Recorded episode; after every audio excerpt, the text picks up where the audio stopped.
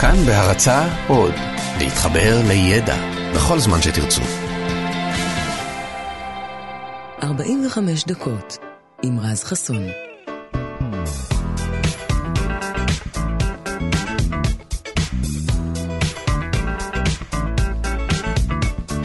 כאן תרבות, בוקר טוב לכם, 104.9, 105.3 FM, וגם באפליקציה שלנו, כאן אותי. שבוע טוב, מה שלומכם? כיף שבאתם. גם הבוקר יש לנו בשבילכם המון מוזיקה טובה וגם כל מיני גילויים, סיפורים, עובדות, כל מיני דברים מעניינים שנספר לכם ב-45 הדקות הקרובות. אנחנו כאן עד שבע.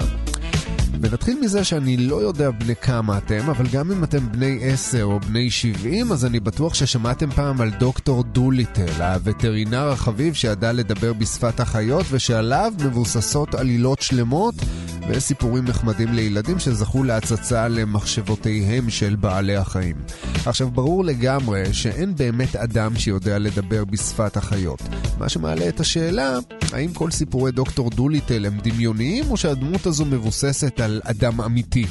אז בשונה מדמויות אמיתיות שמונצחות בספרי ילדים, כדוגמת uh, כריסטופר רובין, אותו ילד מסיפורי פועדוב, שהוא בעצם בנו של מחבר הספר, הסופר אלן אלכסנדר מילן, אז דוקטור דוליטל הוא דמות בדיונית לחלוטין. מי שהמציא אותה היה חייל אנגלי בשם יו לופטינג, שבסך הכל רצה לשעשע את הילדים שלו.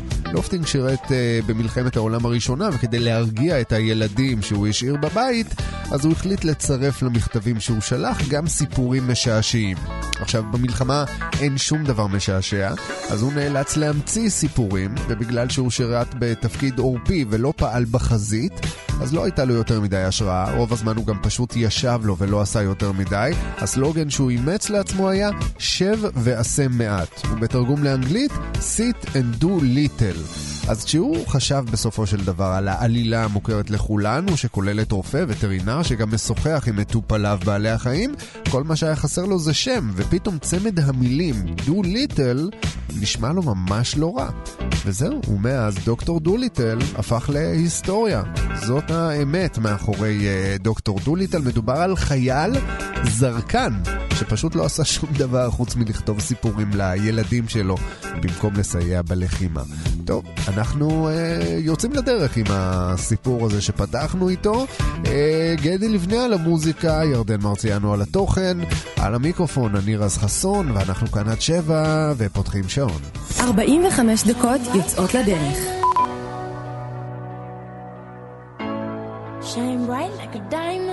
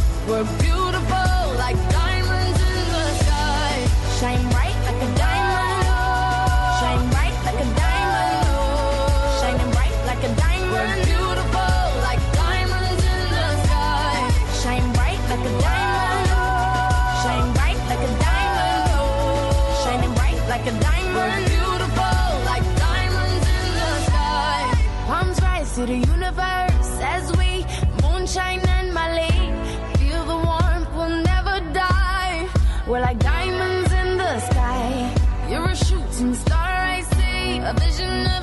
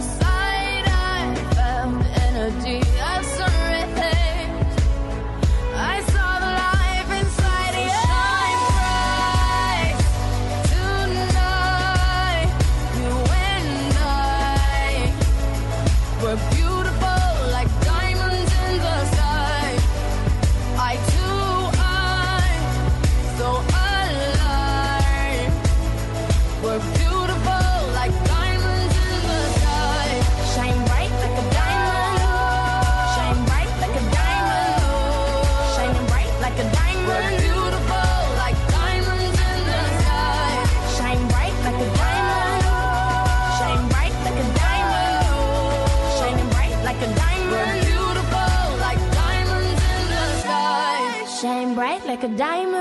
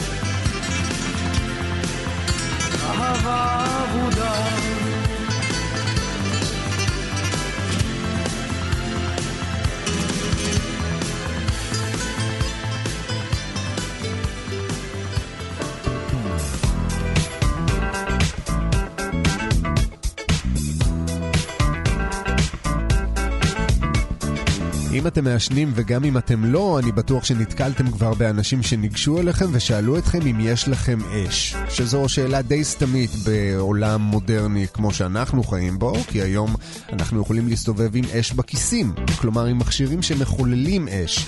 אם מדובר בקופסת גפרורים או במצת, אה, היום אנחנו יכולים לייצר אש בכל מקום. באוטו, בבית, באמצע הרחוב, בתנאים מסוימים אפילו מתחת למים. האש היא אחת מחמשת היסודות, מה שאומר שהיא הייתה קיימת כאן מאז ומעולם, אבל זה כמובן לא אומר שהאדם ידע תמיד להבין אותה או איך לייצר אותה. הראשון שלמד ממש איך להשתמש באש היה האדם הזקוף, או ההומו ארקטוס, כמו שהוא מכונה בשפה המחקרית, כבר לפני מיליון וחצי שנים באזור דרום אפריקה של היום. בתקופה ההיא האש נחשבה למופע קסום ואקראי. האדם לא ידע למה או מתי היא מופיעה, ובטח שלא איך לייצר אותה יש מאין. אבל הוא למד לנצל אותה. בסרטים על התקופה ההיא רואים בדרך כלל את האדם צולה את הציד שלו על אה, מדורה, אבל האמת היא שהשימוש הראשוני באש לא היה בכלל לצורכי צלייה. האדם בכלל לא ידע שהוא יכול או צריך לצלות את אה, בשר החיה שהוא צד עכשיו בשדה. בפעמים הראשונות שהאדם נחשף לאש הוא הבחין בשתי התכונות העיקריות שלה, חום ואור. ואלה בדיוק השימושים הראשונים שהוא עשה בה. האש עזרה לו להתחמם בתקופות הקרות, ובהמשך גם לנדוד לאזורים קרים יותר על פני כדור הארץ, וגם להאיר אזורים חשוכים, כמו מערות, או אפילו את שטח המחיה שלו בלילות חשוכים ללא ירח. בגלל שהוא לא ידע איך לייצר אש, אלא רק איך להשתמש באש קיימת, האדם ניסה למצוא דרכים יצירתיות ומקוריות לשמור על מקור אש זמין באופן קבוע. וככה בעצם נולד מושג שמלווה אותנו אפילו עד היום. הוא פשוט שמר על הגחלת. זאת הייתה אחת המשימות הכי חשובות והכי קשות בשבט הקדום, לשמור על הגחלת לוחשת כל הזמן ככה שיהיה ניתן להבעיר ממנה אש במקרה הצורך. את הטריק איך לייצר אש האדם למד רק 7,000 שנה לפני הספירה, שזה המון שנים אחר כך, ואז הוא באמת השלים את התהליך של ביות האש, שכבר לא היה צורך פשוט לחכות שהיא תפרוץ בטבע או לשמור על הגחלת, אלא פשוט לשפשף כמה ענפים או שתי אבנים בתוך ערימת עלים, ופוף, יש לכם אש.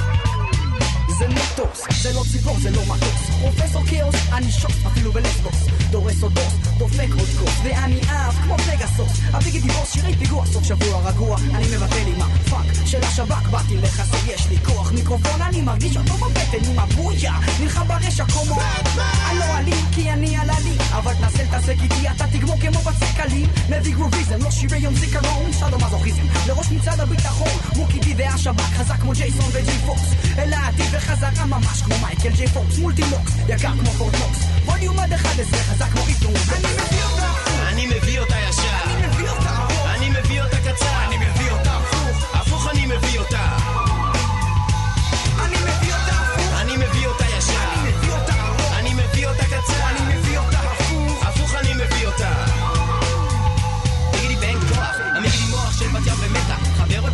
ותראה תמונות ברקע, יורקה, מצאתי, קראתם לי אז באתי. זורק שטויות במהירות של נשק אוטומטי, תגידי תשע מילימטר. כולם אצלי בחדר עם השופים, ביגידי בומפים, כתום אטום דביק כמו שלי שוב, כאן באמת קשה כמו בוסטיליס. לא לקנביליס, עם חצי ליטר פיניס. ישר מהחבית יפה כמו ביגידי ברייק, ביט קנאי, פנים זמני, תביא את החברה שלך עליי. פעם מפוש קרד מנאלי, לקוף על גן לגוע. מותר לכן בנות לראות, אסור לכן לגוע, כי יש ים בבחורות על נימיים, ביקיני בליקיני, כי אם הייתי מכונית הייתי למבורגיני.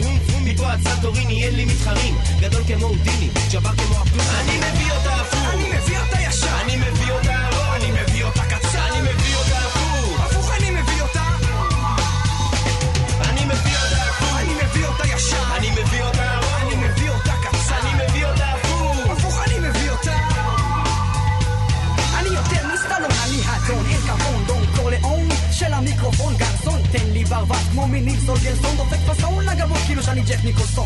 אני סופרמן כמו שסופרמן, ואני פיטר פין כמו שפיטר פן, מניפיק פנטסטיק מוקי דשוק כאן על פלסטיק, החוצה, נחוצה, הדרסטיק בומבסטיק, אני לא סותם את הפה, אני לא שותק, בא בלי טק, דק בתק, אני מותק, כל הלילה על נפשנו אבקש, שק סיפור עם מוקי די ושב"כ סמך, באנו מיבנה וניקח את כל הארץ ביגידי בום שיבה בום, שם דמיון ההזיה תראי את מידי מסיעה, אולי תורידי חזייה, תיקח תיקח כמו דיגידי דונלד טראמפ, או רוקפלה, מתון כמו גלידה מוקה, טלבוקה, טלנובלה. ובחניה ביחדה במרינה אלבום ראשון שרת זהב, אלבום שני פלטינה, יולינה, ברוש, אני יכול לקרוא לך פיק. יש בינינו קליק קליק בנג מפיל עלייך כמו ג'אגר בלי ימית תגידי טרייסי בלי ידי כנסי לאוטו תתחילי לשחק איתי כמו לוטו טוטו יש לי מוטו. ואוטוטו להיות או לא להיות לגמור בביגלי בום גדול כמו קוזו אקמוטו מפה עד מלגסטר ממימוקי מיקרו צ'רלי גדול כמו צ'אנקה נסטה ורסטה כמו בוב מרלי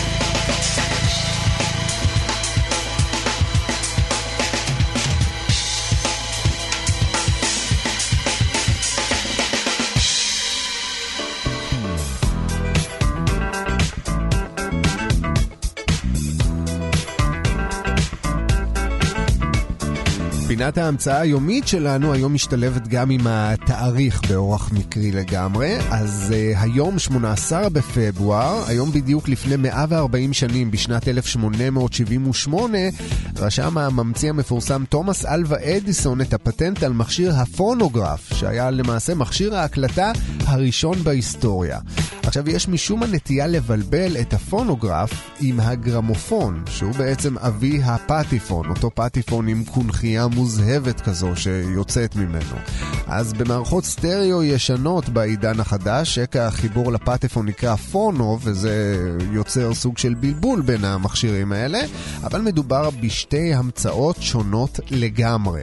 בזמן שהגרמופון, שהומצא רק עשר שנים מאוחר יותר, הצטיין בניגון תקליטי ויניל שטוחים, בעצם אותם תקליטים שחורים שאנחנו מכירים עד היום, הפונוגרף הצטיין בהקלטת צלילים. ההקלטה התבצעה על גלילים מצופים בשעווה.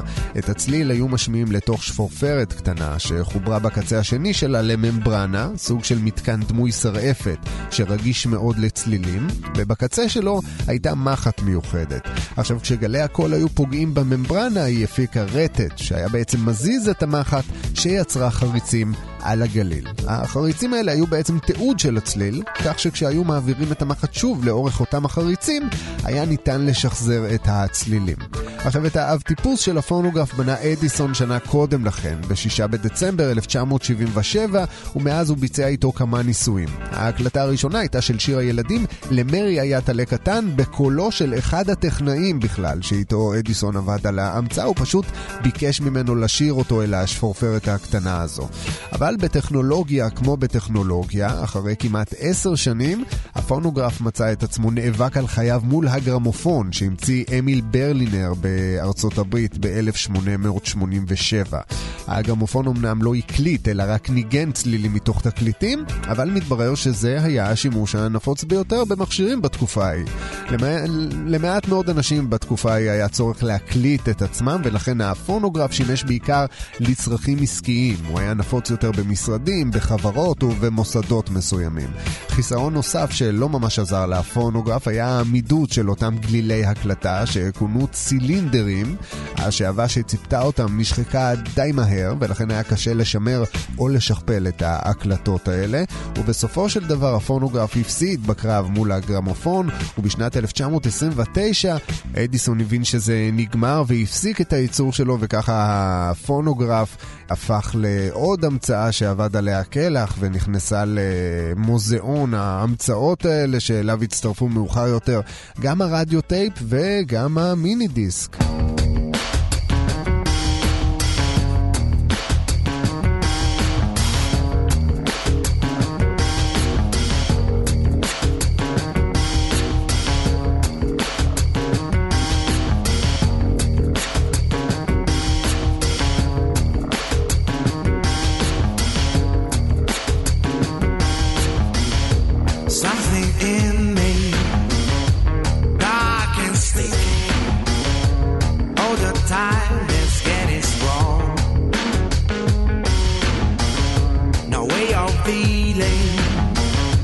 With this feeling.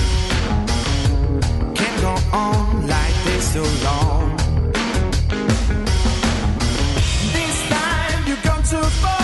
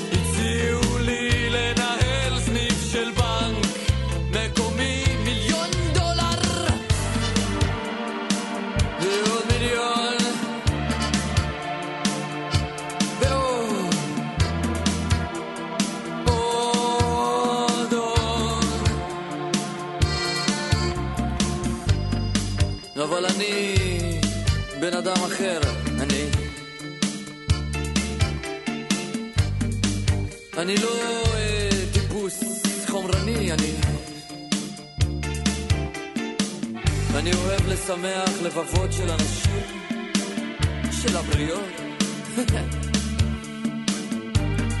וגבירותיי ורבותיי, קבלו את החתן והכלה במחיאות כפיים סוערות. הייתי יכול להיות דוקטור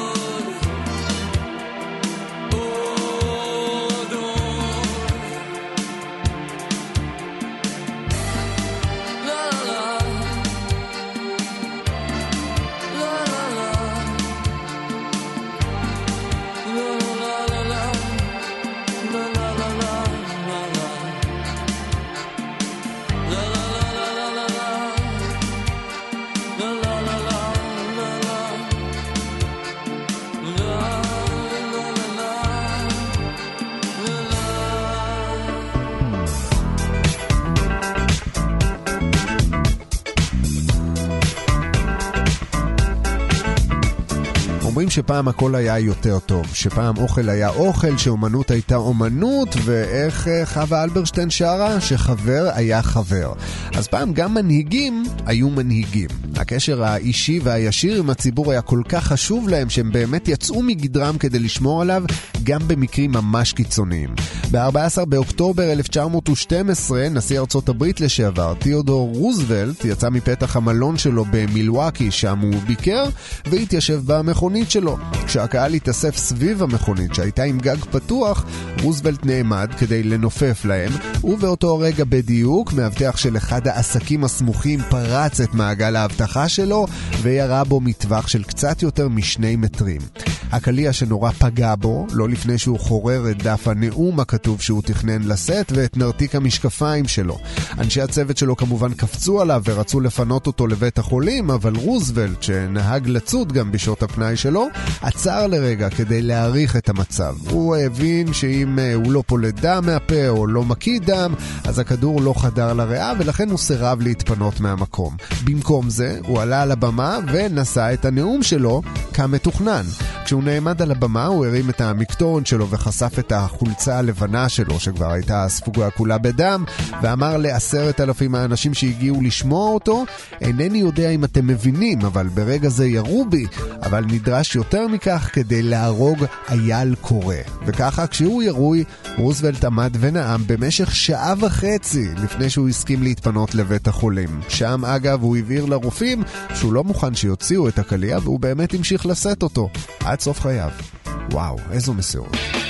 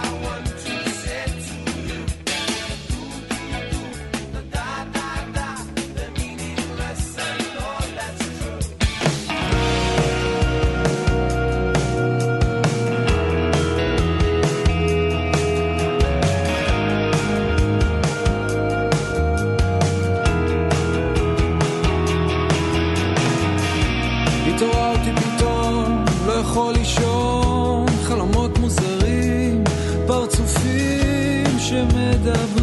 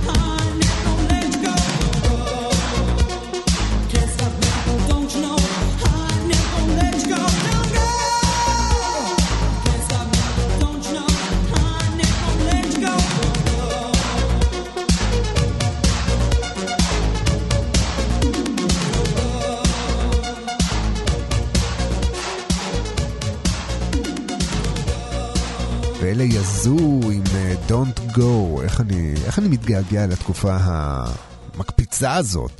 אה, טוב, עם כמה שלא הייתי רוצה גם שאתם תלכו ושניפרד, כנראה שאין ברירה, כי הגענו לסוף השעה שלנו ביחד. וזה רמי פורטיס עם אה, חתול מפלצת, ואיתו אנחנו גם אה, נפרדים להבוקר. אז תודה רבה לגדי לבנה על המוזיקה, וגם לירדן מרציאנו ולכם שהייתם איתנו גם הבוקר. אנחנו ניפגש כאן מחר עם שירים אחרים ועובדות וגילויים אחרים. וזהו, לי קוראים רז חסון, שתהיה לכם האזנה טובה, יום טוב.